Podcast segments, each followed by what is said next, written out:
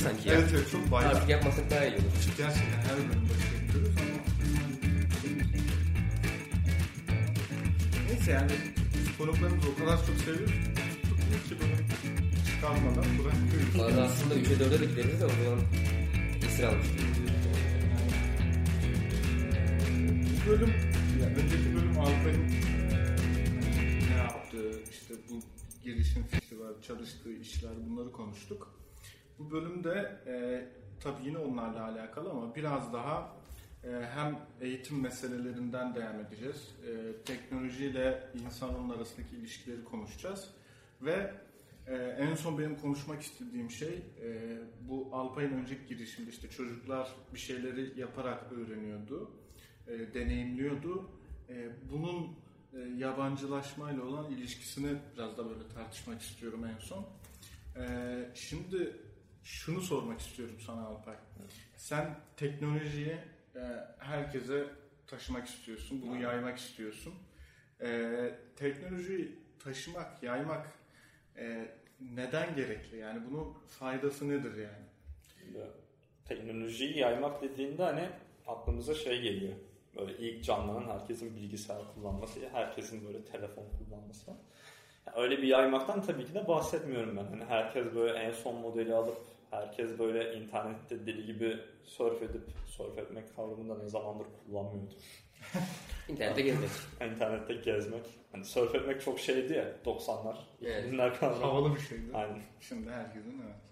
Ee, işte hani öyle bir şeyden bahsetmiyorum. Herkesin gerektiği yerde hani anlamlı bir şekilde teknoloji kullanmasından bahsediyorum. Mesela e, bir çiftçiden bahsettiğimizde tarım için gerekli teknolojiyi alıp gerçekten yani sensör kullanması gerekiyorsa kullanması gerektiği yerde kullanabilmesine işte internetteki hava durumundan yeterli verileri alıp o verileri anlamlı bir şekilde analiz edebilmesini ya da analiz edilmiş verileri kullanmasını bahsediyorum mesela. Ya da hani çocuklar için de bir şekilde programlama öğrenmek istiyorsa ya da başka bir şey öğrenmek istiyorsa interneti nasıl kullanabilir işte başka hangi eğitim uygulamaları var biraz bunlardan haberdar olmasını özellikle öğretmenlerin hatta öğrencilerin değil de o şekilde bir teknolojiyi kullanmaktan bahsediyorum. E, tabii ki bunun için evet bilgisayar, telefon gerekli ama mesela şu anda benim hani e, geliştirdiğim uygulamalarda çok eski telefonlarda da çalışıyor. Çok yeni telefonlarda da çalışıyor. Yani acayip iyi telefonların olması, acayip teknolojik bir altyapının olması gerekmiyor anlamlı kullanmam için. Biraz o şekilde. Ya ben şeyi soruyorum yani biraz Hı. da. Ee, yani teknolojinin gittiği yerlerde e, in- insanların yaşamı gerçekten gelişiyor mu? Yani e, mesela bundan kaç yıl önce, yani bir 3-4 yıl önce bir yazı okumuştum. E, orada şunu e, tartışıyorlar. E, şimdi sanayi devriminden sonra insanoğlunun yani daha doğrusu şeylerin, e, bireylerin kendi geçimlerini sağlamak için e, hatta işte şey üzerinden yapıyorlar. Bir aile üzerinden araştırmayı yapıyorlar. O aile babası işte ailesini geçindirmek için ne kadar çalışmalı? İşte e, bu tam da işte sanayi devrimi sonrası bir aile örnek alınıyor. O dönemler zaten çalışma koşulları çok kötü. Günde 18 saate yakın çalışıyor işte. Hafta sonu tatili bile yok. Böyle sağlıksız bir ortam. Hatta çocukları da sonra çalışmaya başlıyor filan. Sosyal hayatı kesinlikle yok falan fistan. Ee, teknolojinin hani böyle çok hızlı bir şekilde arttığı bir e, Ya orada tabii bölge. teknoloji değil de hani orada şey insan sömürüsü var. Tabii Teknoloji gitmemiş var. orada. Hani teknoloji okey gelişmiş. Ama orada asıl sıkıntı hani iş şartları tabii yok. Hani sanayi devrimi oldu. Tamam buharlı makineler çalışıyorlar. Çok güzel. Ee, ama bunun başında bir insanda bulunması gerekiyor. Ama hani o zamanlar öyle bir işçilik kavramı olmadığı için işçi hakları da yok tabii. Tabii. Ama mesela teknoloji dediğimizde şey de giriyor işin içine. Aşı. Hı hı. Aşı bir teknoloji yani. Tabii, Aşıyı onun üretiyorsun. Bir faydası var. Hani evet insan hayatı için tabii ki de çok faydalı. Bazıları Boş faydasız. Aynen onlar da var da oraya o hiç girmeyelim oraya. O tayfayı direkt e, şey yapıyoruz. Hiç yokmuş gibi davranıyoruz. Ee, varsa da dinlemesin abi. Takip eden bıraksın podcast'ı. Neyse. Ne oluyor ya? E, şeyi kastım. Abi o çok sinirim bozuyor ya. Bu aşı karşıtlığı tayfası cidden çok zararlı bir tayfa. Yani yeniden bir kızamık salgını falan oluyor. Evet evet ya. Ya inanılmaz bir şey yani. Ve Türkiye'de de hani böyle çok şimdi isim vermeyeyim. Ee, baş harfi S böyle meşhur bir yazar bile çıkıyor işte bir kitap yazıyor aşı karşıtlığı için. Yani yine inanılmaz bir şey. Çok merak edenler bulabilir. Vay be. Çok çok Ben meşhur bilmiyordum. Çok Türkiye'de de olduğunu bunu. İsim verseydin insanlar merak eder. Bizi dinliyorsan Gelsin bizim olsun böyle. Ee, neyse ee, şeyi yani şuraya ee, getirecektim mevzuyu. Şimdi tamam hadi çok dramatik bir ee, zamandan alınıyor o örnek ama yani günümüzü ele alalım. Günümüzde yani de tabii ki de yani işçi işte- sömürüsü çok fazla. Yani Ya işçiyi geçtim ama beyaz yakalı. E, yıllık iki hafta izni Ya, var. Bilmem nesi fazla. var. E, iki hafta izni var. Sosyalleşmek için vakti çok kısıtlı. Hele hele işte bankacılık işte yok. Reklam sektöründe falan Hmm. çalışıyorsa bu durum çok daha kötü falan. E, ve hani böyle aman aman bir yaşam standardı da yok İstanbul'u düşündüğü zaman. Diğer taraftan e, günümüzde e, günümüzde dediğim işte bu araştırma 80'lerde falan yapılıyordu yanlış hatırlamıyorsam. Afrika'da bir e, kabile üzerinde bir araştırma yapılıyor. O kabile hani teknoloji falan hiçbir şekilde gitmemiş. Tırnak içerisinde medeniyet dediğimiz şey orada yok. E, ve orada bir aile babası ailesini geçindirmek için haftalık 9 saat çalışması yeterli. 9 saat çalıştığı zaman işte ailesinin çocuklarının karnı doyuyor. İşte yaşamlarını sürdürebilecek o artık her neyse varlığı Hı. elde edebiliyorlar ve geri kalan vakitlerinde işte sosyalleşiyorlar ne bileyim işte ateş etrafında dans ediyorlar bilmem ne yani kabile işleri yani artık ne yapılıyorsa Ya bilmiyorum. Afrika'nın sosyalleşmesini buraya bağlaman enteresan. Ya yok yani şu an aklıma Yani- bir şey gelmedi yani. Şu an insanlığın en saf halini yaşıyorlar diyebiliriz belki. Yani hani var öyle hala vardır eminim ki öyle kabileler. Yani şimdi hani hangisi daha kazançlı? Yani şimdi diğer taraf tamam teknolojik imkanlar var. Diğer tarafta yok ama çok daha güzel bir hayat mı yaşıyor acaba? Yani burada yani şey gibi duruyor tabii. Ee, teknolojiyle doğa ilişkisi ya da teknolojiyle insan ilişkisi işte. Hani bir grafik çizdiğimizde hani iki eksenli orada bir hani anlamlı bir veri görüyormuşuz gibi sanki arasında bir ilişki varmış gibi ama gerçekten bir ilişki var mı yok mu onu hatta bir sosyolojik bir inceleme lazım. Ben şu anda onu üstüne çok da düşünmedim yani onun üstüne düşünmek çok da benim işim değil tabii. Ben sadece gözlemlerimi hani söylüyorum.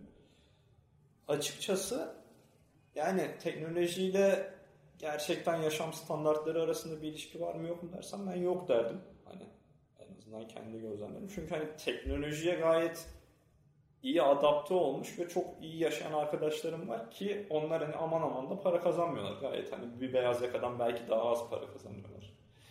Ama orada şey devreye giriyor. Kendi farkındalıkları yani insan kendinde farkında olduğu sürece hani teknoloji girsin işin içine, para girsin, başka şeyler girsin gayet mutlu yaşayabiliyor benim gözlemlediğim kadarıyla. Belki o mutsuz beyaz yakada kendi farkındalığı yani hani hayatta ne yapmak istiyor, şu anda ne yapıyor, işte sürekli bir köy özlemi vardır ya.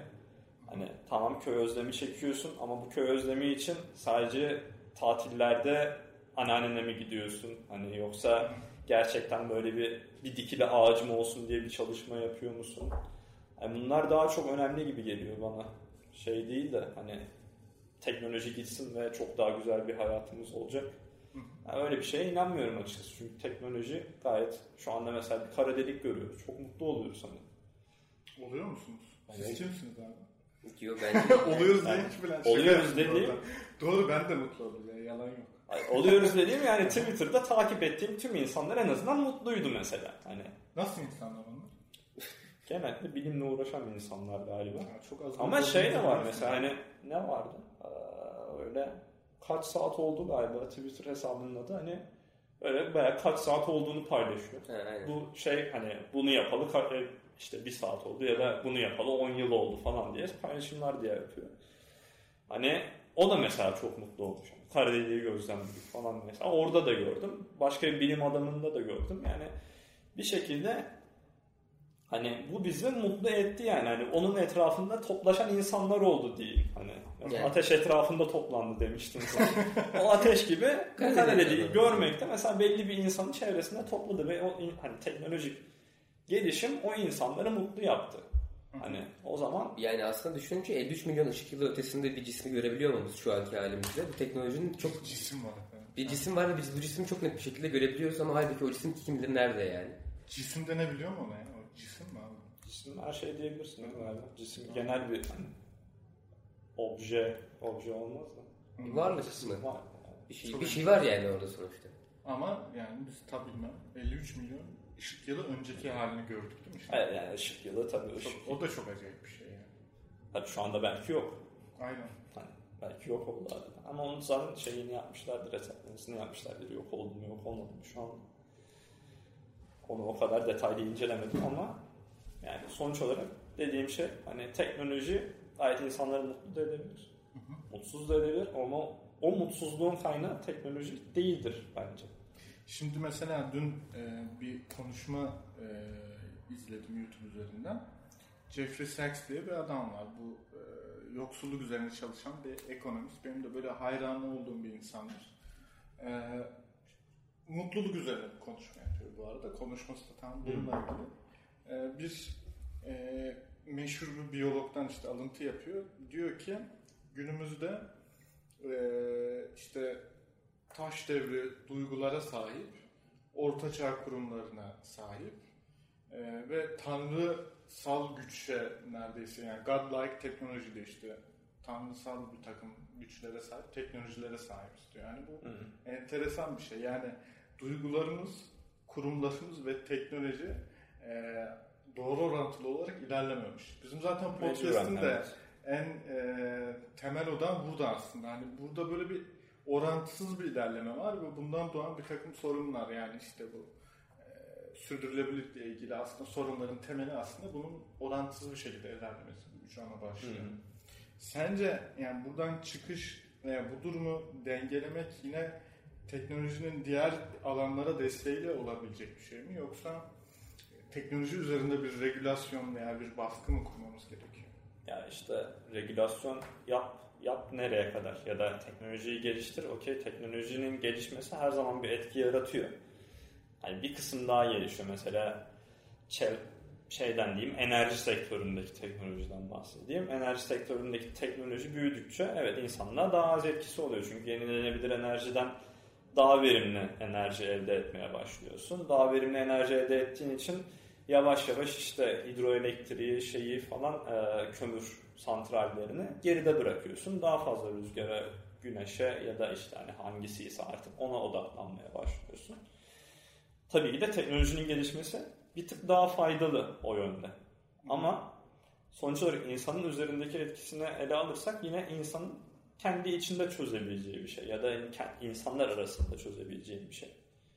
Derdim. Neydi soru ya tekrar? Yani şimdi duygularımız taş devri duyguları. ha, yani mesela hani, e, biraz daha böyle mesela ayrıntılı hani açıklayalım. Taş devri duyguları derken hani e, yani taş devrindeki insanları da ötekileştirmek istemiyorum şimdi. E, e, alınmazlar merak etme.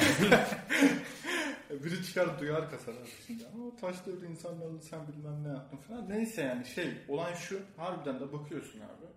Ee, yani tüketim biçimimiz mesela gerçekten aslında çok e, zalim insanların yapabileceği türden sonuçlara yol açıyor. Yani işte giydiğin tişört, işte tükettiğin teknoloji ürünü, bileyim içtiğin bilmem ne falan hani bunların o üretimi sırasında oluşan hem çevresel hem insani zarar acayip boyutlarda birçok ürün açısından. Özellikle işte mesela tekstil sektörü çok konuştuğumuz bir şey. Ee, aynı zamanda işte e, bir sürü trajediyle karşılaşıyoruz e, şeyde haberlerde ama hani artık bunu da böyle kanıksamışız. Hiçbir sıkıntı yaratmıyor bunlar bizde. Ee, yani neredeyse zalimleşmiş bir birey var ortada bu açıdan. Yani o biraz gerçi onun şuursuzluğundan kaynaklanıyor da olabilir. Ona sonra geleceğiz. Ee, Orta çağ e, kurumları diyoruz. Bunda neden diyoruz? Mesela Amerika'yı ele alalım. Ee, Amerika e, hani dünya şu an işte süper güç dediğimiz ülkesi ama e, işte dünyaya verdiği zarara bakıyorsun yani sanayi faaliyetleri sonucunda. İşte e, Orta Doğu'da veya Afrika'da dünyanın birçok yerinde birçok savaşa neden oluyor. Savaş masum insanlar ölüyor, çevreye zarar veriyor. Bir sürü şey yaratıyor, sorun çıkartıyor. E, ve e, şu an sahip olduğu kurumlarla da kendi ülkesi için dahi sürdürülebilirlik anlamında veya 20-30 yıl sonra daha güzel bir Amerika vaat etmiyor. Yani mesela sürdürülebilirlik şeyleri işte bu küresel hedefler konusunda ölçüm yapan bir kurum var işte Social Progress Imperative diye. O küresel hedefler konusunda son iki yıldır hep geriye gitmiş Amerika. Hı. O, o da çok enteresan bir şey. Yani biraz da o başındaki zattan kaynaklanıyor ama e, hani bu, bu yine aynı şeye geliyor. Yani kurumlar bu kadar sağlam olsa tek bir kişi gelip de bunu sarsamaz bu kadar kolay. Evet başındaki zat ne kadar bağlı bilmiyorum. Yani Obama dönemini de incelemek lazım. Tabii. Yani Trump dönemiyle Obama Tabii, dönemi tabii. arasında O- ne o- kadar fark var. Kesinlikle çok bir fark yok zaten. O rakamlara baktığın zaman orada öyle bir şey görmüyorsun da. E, yani hani Amerika'da bile durum böyle yani onu demek istiyorum. Türkiye'ye çok gir- enteresan bir. Türkiye'ye girersek ya Türkiye'de çok yani orta çağ falan bizim için bayağı iyimser bir tablo kurumlar açısından şu an. Da oraya girmeyelim. Ee, hani bir, bir taraftan da bakıyorsun Amerika'da işte o MIT'de bilmem nerede geliştirilen teknolojiler işte yok o neydi Boston Robotics. ha işte oradaki o takla atan bilmem ne Hı. atan filan robotlar var. Hani acayip bir manzara yani bu. Ee, buradan nasıl bir çıkış var? Buradan nasıl bir çıkış var? Yani bir sürü şeyi anlatın anlat. Şimdi Boston Robotics'ten bir çıkalım. ya yok çok Bu son şey. robotlar niye takla Ya atıyor? yok bunun bunun tabii yani cevabı net bir cevabı kimse de yok şu an. Yani Ama hani varsa söylesin. Şimdi buradan bir açık çağrı yapalım. Cevapları bekliyoruz. Yorumlara yazsınlar varsa- biraz çözümleri. Ama sen nasıl görüyorsun? Çünkü yani sonuçta sen Yani de öyle evet, veya böyle var. girişimlerinle veya yaptığın işlerle sonuçta bu soruna bir çözüm üretmeye çalışıyorsun. Evet ben bu sorunu hani evet gördüğüm için aslında çözüm üretmeye çalışıyorum. Çözümü de hani herkes der ya her şeyin başı eğitim. İşte hani bunlar eğitilmemiş o yüzden böyle falan. İşte ben de oraya değindim hani eğitimle çözeriz herhalde. O yüzden hani çocukların e, eğitimini sağlam tutarsak e, belki 20 yıl sonrasına ya da 50 yıl sonrasına daha iyi bir dünya bırakmak için bir sebebimiz Şimdiki olur. nesil ölünce herhalde onu kastediyorsun. Yani şimdi, şimdi şöyle bir şey var. Şu anda bir dünya düzeni var. Hani okey Ee, işte Amerika'da birileri var, Türkiye'de birileri var. İşte bunlar yasa yapıyorlar. E şimdi bunlar yasa yaptığı için o yasalar uygulayıcı oluyor. O yasaların uygulanması sebebiyle hani bazı şeyler gerçekleşiyor. Mesela sürdürülebilirlik yasası çıkarsa hani zaten uygulayamayacak bir kurum yok. Çünkü devlet her şeyin üstünde zaten. O yasa yapıyor, yasaya uymak zorunda. E, şimdi böyle yasalar yapan insanlar varken senin şu anda bizim mesela o yasa yapana bir şey dememiz ne kadar etkili olur? Yani hani Ne kadar olur? Şu anda gördüğüm çok etkili olmuyor. Evet. Yani çünkü orada çok daha başka şeyler var. Yani ekonomik modeller var, işte kapitalizmin gerektirdiği şeyler var. Ne bileyim farklı milletlerin farklı lobileri var belki. Onların hepsi burada etkili. Hani yasa yapma konusunda. Ki mesela işte en son şeyi izlemiştim. Conspiracy. Et yemek üzerine böyle et yiyoruz. Ama o etler nasıl oluyor? İşte niye büyük eee, şey Greenpeace gibi, WWE gibi şeyler, e, kurumlar bu et yemek üzerine hiç girmiyor ki topluma işte çevreye en çok zararı et endüstrisinin varken gibi. İşte gerçekten de adam belgeselini yapmış ve gidiyor böyle Greenpeace'teki işte yetkililerle falan konuşuyor. Gerçekten kimse de bir şey diyemiyor hani "Ya evet et endüstrisi %63'müş biz de hiçbir şey yapmamışız falan gibi. Aa! Yeni haberi varmış gibi tepkiler veriyor. E orada hani et endüstrisinin mesela Amerika'ya dayatmasından kaynaklanıyormuş olarak sunuluyor bu belgeselde. Ee, şimdi buradan mesela bu belgeseli izleyen normal bir vatandaş ne diyor? İşte bunlar düzgün eğitilselerdi böyle şeyler olmazdı. Ben şu anda o eğitimi vermeye çalışıyorum. Ben o açıdan yaklaştım. Çünkü benim de gücüm ona yetiyor aslında. Yani burada demek istediğim her insanın gücünün yettiği kadar. Mesela bir bankacıysan belki bankanın işte sosyal sorumluluk alanı vardır. O sosyal sorumluluk alanına bir proje önerebilirsin. Çünkü yani sosyal sorumluluktan da gayet hani e, güzel şeyler yapan bankalar var işte. Hem sanata e, yatırım yapıyor hem başka işte köy okullarına yatırım yapıyor. Bir sürü alana yatırım yapan bankalar var. İşte proje önerebilirsin. Oradan bir katkın olabilir senin. İşte ben bilgisayar mühendisiyim. İşte çocuklar için uygulama yazıyorum. Öyle bir katkın olabilir. Mesela işte cam, kimya, kimya endüstrisinde neler yapabileceğine bakabilir. Gibi herkesin kişisel etkisinin ne olacağına bakmak lazım aslında. Çünkü hepimiz konuşuruz. Okey.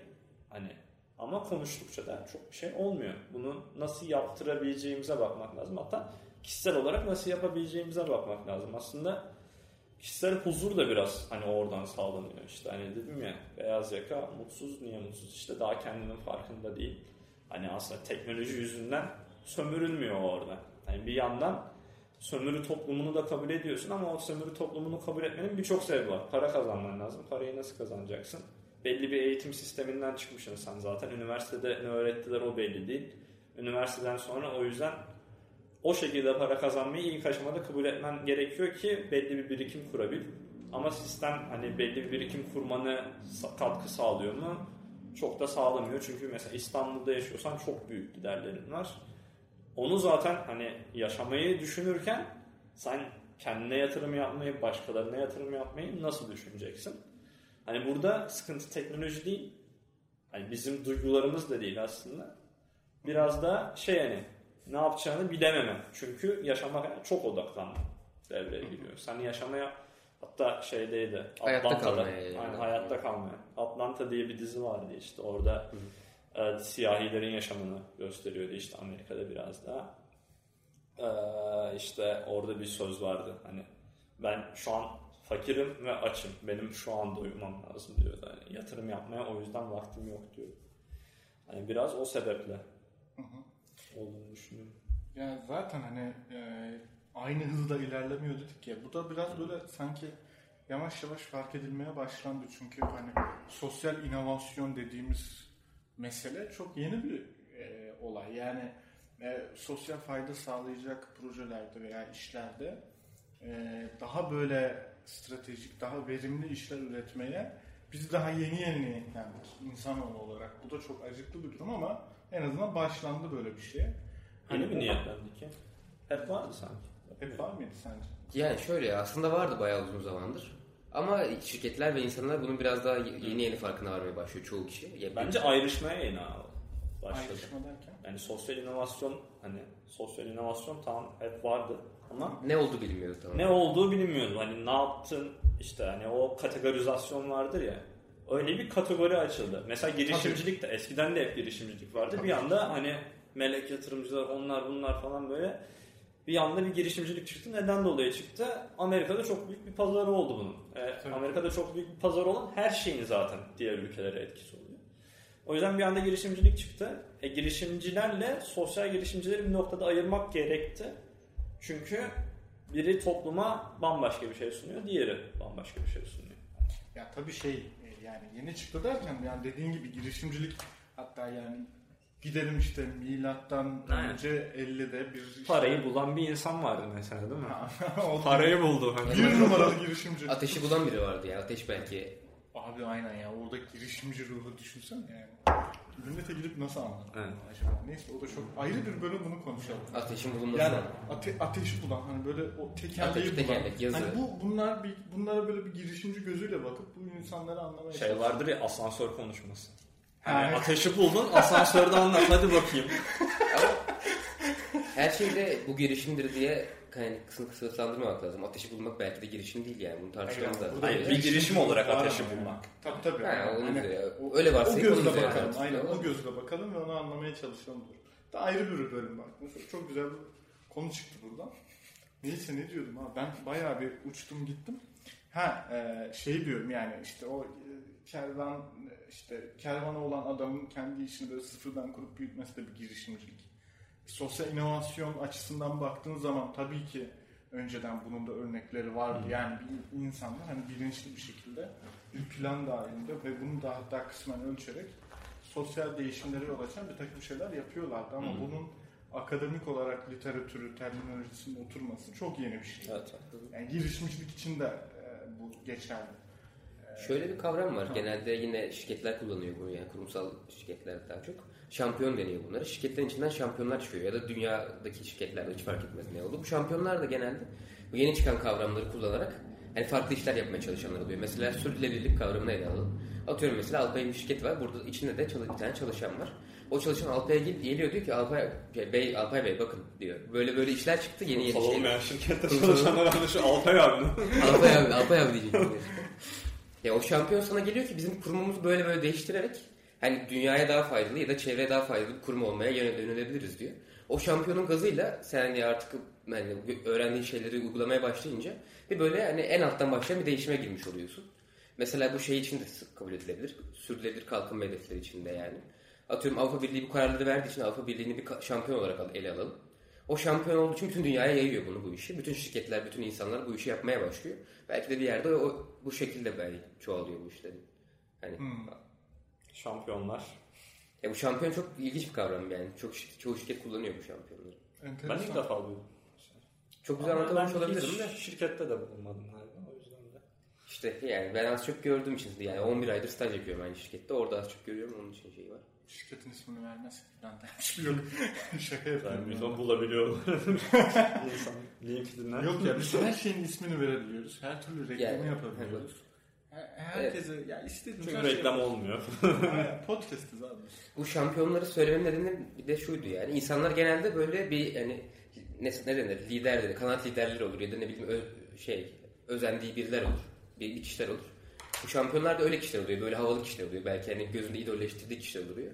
Onların yaptığı şeyleri başka insanlar da yapmak istiyor. Bayağı hani sosyal medya gibi yayılıyor yani bu işler. O yüzden de bayağı yükseliyor yani son zamanlarda bence. Bu güzel örnekleri o zaman böyle büyük şirketler üzerinden falan yaymak gerekiyor. Yani bu mantıkla. Ya aslında şirket ismi de verecektim de çok şey abi, bilemedim ver. ver. versem yok vermeyeceğim. Niye? Gizlilik sözleşme aykırı olabilir o yüzden. Ha burada yaptığımız bir iş. Tamam canım onu yapmıştım. tamam o ayrı. Ee, şimdi bu konudan sonra bir de şuraya gelmek istiyorum. Yine aslında benzer bir mesele. Ee, şimdi senin bu önceki bölüm konuştuğumuz girişimde hani şey yapıyorsun ya çocuklar bir şeyi hani e, yaparak, uygulayarak öğreniyorlar ve sen çocuklarda bunun şart olduğunu söylemiştin. Ya zaten ne yaparsam yapayım öyle yapmak zorundayım. Çünkü hani bu 1950'den beri kabul gören bir teori aslında. Kimin hı. yap hani kim ne yaparsa yapsın Böyle çocuklarla çalışırken böyle yapması lazım. Ama- Çünkü zamanında Piaget söylemiş bunu. Bir sürü akademik çalışma üstüne yapılmış. Hani diyoruz ya bilim işte birikerek gelir. Hani böyle sürekli bilgiler üst üste konur. En sonunda işte insanlığa sunulur. Hani o öyle o şekilde ilerler. E madem bir şey var yani hani çocuk pedagojisi var işte hani insanların nasıl öğrendiğini biliyoruz. E o şekilde ürün geliştirmek lazım yani hani şey derler ya Amerika'yı baştan keşfetmeye gerek yok. Aynen öyle. O şekilde. Ya burada şunu soracağım sana. Şimdi hani çocuklar da zaten böyle ama e, günümüzde günümüzde demeyeyim aslında yani yetişkinler için de bu böyle değil mi? Yani e, işte kapitalizmle beraber bu ya, yani kapitalizmden gerçi daha da önce konuşulan bir şey. Yani yabancılaşma dediğimiz bir kavram var şu an bizim için çok önemli. Belki kapitalizmin daha sıklıkla duyduğumuz Evet, bir kavram. yani, e, bu, bu nedir yabancılaşma? Mesela işte üretim süreçlerine olan yabancılaşma diyelim. E, şu an kullandığımız işte bilgisayardır, iPad'tir, telefondur veya yani bunları bile geç. Şu Yediğin masa, elma ya. Yediğin elma aynen yani tarım ürünleri, tükettiğin yiyecek. Bunların nereden geldiğini, nasıl geldiğini, ne şartlarda üretildiğini bilmiyorsun. Ve bunu bilmediğin için de o ürünleri tüketirken nasıl bir e, süreç içerisinde bunların üretildiği, etkilerinin ne olduğunu da bilemiyorsun. Buradaki emeği bilmediğin için onu tüketirken daha e, hunharca e, hareket ediyorsun falan filan. Bir sürü olumsuz sonucu var bunun. Senin bu girişimden çocuklara o üretim sürecine bir nebze de olsa bir sanki bir giriyorlar, tanık oluyorlar bu şeye. Ama yetişkinlerde de aynı şey var. Yani biz mesela işte tekstil sektörünün zararları var diyoruz. İnsanlar neden bu zararı bilmiyor? Çünkü hani e, o fabrikayı bilmiyor işte dünyanın öbür ucunda yapıyor falan fistan. Ama ona şahit olsa atıyorum yani e, o tişörtü alırken o üretilen yeri görse atıyorum orada bir işte insanlar kan gövdeyi götürüyor arkada bir alaka yıkılıyor bir şeyler oluyor. Bunu görse birisi alır mı bunu? Veya işte ne bileyim ben. Yani alınabilir tabii Ya de. alabiliyor. Ya alabilir. de. Yabancılaşmanın aslında bir kısmı o. Hani alabiliyor. Çünkü ona da alışmış. Hani haberlerde çok görüyorsun işte hani Zimbabwe'de insanlar çok kötü yaşıyor. Hani belki işte hani biliyorsun aslında sen de biliyorsun mesela ben şunu nereden aldım? H&M'den aldım mesela. H&M'in bir ara şeyi vardı. Hani işte çok kötü şartlarda çalışıyor insanlar falan. Hala. Onu da önerelim. Turukos diye bir belgesel var. Aynen. İzlemenizi tavsiye ederiz bu H&M'in Zara'nın nasıl kıyafet ürettiğini, ne, ne koşullarda insanları çalıştırdığına dair. Bayağı güzel bir içerik. Böyle de çakarız işte meşhur şirketlere. Ana akım medya yapamaz bunu. Yani Çok umursanıyorlar, umursuyorlarmış gibi. Yani insanları kullandığı, çok kul- kullandı hatta bir laf var. Şey diyorlar ya ben almasam ben yapmasam başkası zaten yapacak. Tabii, ben o yüzden şey ne, ne, ne fark ettireceğim ki yani. Şey gibi bir oy bir oydur gibi yani mesela. Yani ver misin? Senin bu girişiminin fik- yani bu fikri yetişkinlere uygulama gibi bir niyetin yok mu? Yani yetişkinler açısından da böyle bir ihtiyaç var. Yani insanlar e, bu teknoloji ürünlerinin veya işte etrafındaki birçok ürünün nasıl üretildiğini, nasıl geliştirildiğini bilse sence de faydalı bir çalışma olmuş olmaz mı? Yani çok faydalı bir çalışma olmuş olur. Hani kağıt üstünde çok faydalı olmuş olur. Yani o işe girmeyi şöyle düşünürüm. Gerçekten hani mesela bu işle alakalı bir insan gelir. Hı Ee, işte hani daha şirketlerle çalışabilecek. Çünkü hani benim uzmanlık alanım var. Hani uzmanlık alanı demek de belki ne kadar doğru bilmiyorum. Son iki yıldır üstünde çalışıyorum.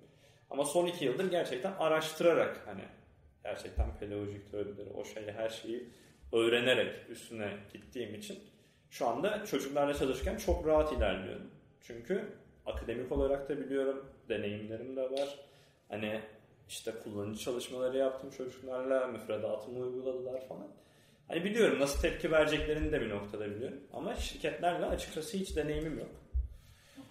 Ee, onun dışında hani bir şirkete nasıl gidilir, bir ürün nasıl satılır o konuda da hiçbir fikrim yok açıkçası.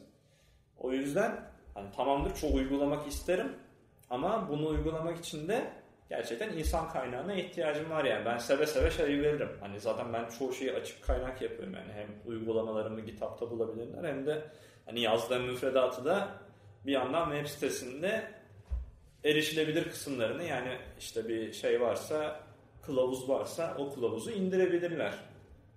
Ee, oradan mesela bir şirket gerçekten hani kendi eğitimini tasarlayabilir. Hani çocuğa benim ne öğrettiğimi görüp Aa, biz de bu kısımları alıp kendi şirketimizde uygulayabiliriz. Tabii hani hangi şirket ne manada bunu yapabilir onu bilmiyorum. Ya da biri bana şey de diyebilir. Abi senin işte şeylerin çok güzel, eğitimlerin çok güzel, hikayeler falan da çok güzel. Bak çocuklarla da güzel böyle etkilerin olmuş. Ee, gel senle işte bunu şirketlere nasıl uygulayabiliriz onu düşünelim. Yani ben orada işte müfredatımı seve seve şey yaparım. Hani şekillendirmeye yardım ederim. Ama ben tek başıma girer miyim? Ben tek başıma açıkçası hiçbir yeterli bilgi ve deneyimim olmadığı için girmem. Hmm. Buradan da şirket sahibi dinleyicilerimize bir duyuru yapmış olalım. Şirket sahipleri bulun beni. Bayağı duyuru yaptın mı bölüm valla? aynen aynen. Ya biliyorsun çok milyonlarca kişilik bir kitlemiz var. Yani şeyden bahsetmiştik ya geçen bölüm biraz oyunlaştırmadan. Alpay onun üstüne de odaklanabilir ama şu an önce yani asıl önceliği kendi iyi yaptığı şeyleri yapıp hani o yolda ilerlemek olursa bence daha mantıklı olur gerçekten. Ee, şimdi bölümü kapatırken o zaman e, şeyi soralım mı? Elif'in güzel soruları var. Böyle konuklara sordu. Ansızın böyle şak diye soruyoruz. Konuklar da böyle kala kalıyor. Onlardan bir tanesini soracağız. Ee, Hangisi? ya şimdi her bölüm farklı bir şey olsun diye. Yani aslında Levent abime sorduğunu soracaktım ama. Geçen neyi sormuştun? Tarihte en çok Ne kiri dövmek istiyorsun. en çok. Aynen. Ee, şimdi sorum şu. Ee, bir hayvan olsaydın hangisi olmak, hangi hayvan olmak isterdin ve neden? Yani hangi hayvan olacağımı söyleyeyim ben martı olurdum. Çünkü bunun Martı. üstüne düşündük. Aa, tabii canım bu soru hakkında düşünüyoruz. kimsiniz abi siz? Düzenli olarak arkadaş çevresi olarak biz bu soru hakkında düşünüyoruz. Hani hangimiz hangi hayvan olurduk? Ben gerçekten hani öyle detaylı düşündüğümüz için martı olacağıma karar verdim. Simit mi seviyorsun neden? Yok. Aslında martıların da ideal yiyeceği simit değil. Biz simit atıyoruz. Değil Mecburen yiyorlar herhalde. Martılar aslında etçil diye. Aynen. Etçil, balık falan böyle toplayan hayvanlar aslında. Yani martı neden olurdu? Bir, ben her şeyi yiyorum. Martılar da her şeyi yiyor. İki, benzer bir kelleşme yapımız var. Yani martıların da benzer bir kelleşme yapısı var. Benim de belli ki. Hani kelleşiyorum giderek. Üç, göründüğünden büyük hayvanlar martılar. Ben de göründüğümden kilolu ve büyüğüm aslında. ve hani uçsam uçarım. Hani gerçekten kanatlarım olsa uçarım. O modda. O yüzden martı olurdum diye. Çok benzediğin için. Ama Yani işte- yani söylemedin sen burada. Sen zaten martıymışsın. İşte ben martıyım. bir hayvan olsan hangisi olurdun? Martı hani. En, Hangisi en- olmak ister? işte en ideal hayvanına evrilmen lazım abi. Şimdi Ha. mesela sen şu anki halinde kediye evrilsen hımbıl bir kedi olursun mesela hani öyle düşün. Kedi kedi hımbıl mı olmalı? Eyvallah. Hayır. Ben kendim böyle panda gibi böyle düşünüyorum. Ha işte Yani bak onu diyorum. Tamam mı? Hani böyle. Sen şimdi belki kedi olmak istersin ama kedi olsan rahat edemezsin zaten. Ha, ben tazı olmak isterim. Kedi olsan duramazsın diyor. Ya ben ge- geçen bir rüyamda tazı oldum. Koşuyorum koşuyorum. Lan ne kadar güzel dedim ya. Koşuyorsun nefesin tıkanıyor falan mesela tazısın. Aa, tıkanmıyor şu an. Rüyada bu- o çok acayipti. Böyle tazı olmak istiyorum. O gün bugündür. Neden öyle bir hayalim var yani. Can sen ne olmak isterdin? Ben turna olmak isterdim. Allah Allah. Turnanın hangi özelliği? Turna çok zarif falan diyormuş. Ha. Yok ben hiç zarif değilim. Yani turnanın hiçbir özelliği hakkında hiçbir bilgim yok. Sadece ben 8 sınıftan beri turna origamisi yapıyorum. Origamiyle uğraşıyorum biliyorsun Muhammed. Turnaya böyle bir yani yakınlık hissediyorum. Bir bağlı hissediyorum kendimle turna arasında. Hatta turna podcast mı olmak istersin, turna origamisi mi olmak istersin? turna origamisi canlı olsa origamisinde olmak isterdim aslında da. Sonuçta canlı bir hayvan olacağım için turnanın kendisi olsam daha iyi. Hatta bir ara podcast'in logosunda turna yapmayı bile düşündük yani. Ben Muhammed'i ikna etmiştim neredeyse. Ama zaten. Muhammed'i logonun neon pembe olmasına bile ikna ediyordum. O yüzden çok şey yapmamak lazım yani.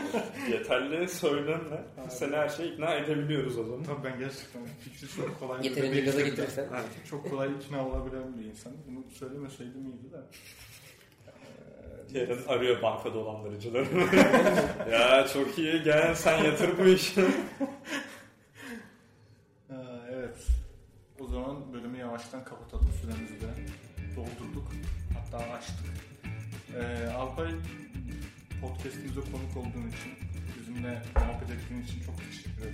Ben teşekkür ederim. Ee, Keyif aldım. Çok sağ ol. Ee, o zaman son bir duyurumuzu, her zamanki duyurumuzu yapalım. Bizi Spotify'dan, iTunes'dan e, dinleyebilir, takip edebilir, abone olabilirsiniz. Sosyal medya hesaplarımızı da takip edebilirsiniz. Yani etseniz güzel olur en azından. Evet, ve yorumlarınızı, tavsiyelerinizi her şeyi bekliyoruz yani. Aynen her türlü eleştiri, olumlu olumsuz bunlara da açıyoruz. Ee, bir dahaki bölümde tekrar buluşmak üzere. Hoşçakalın. Hoşçakalın.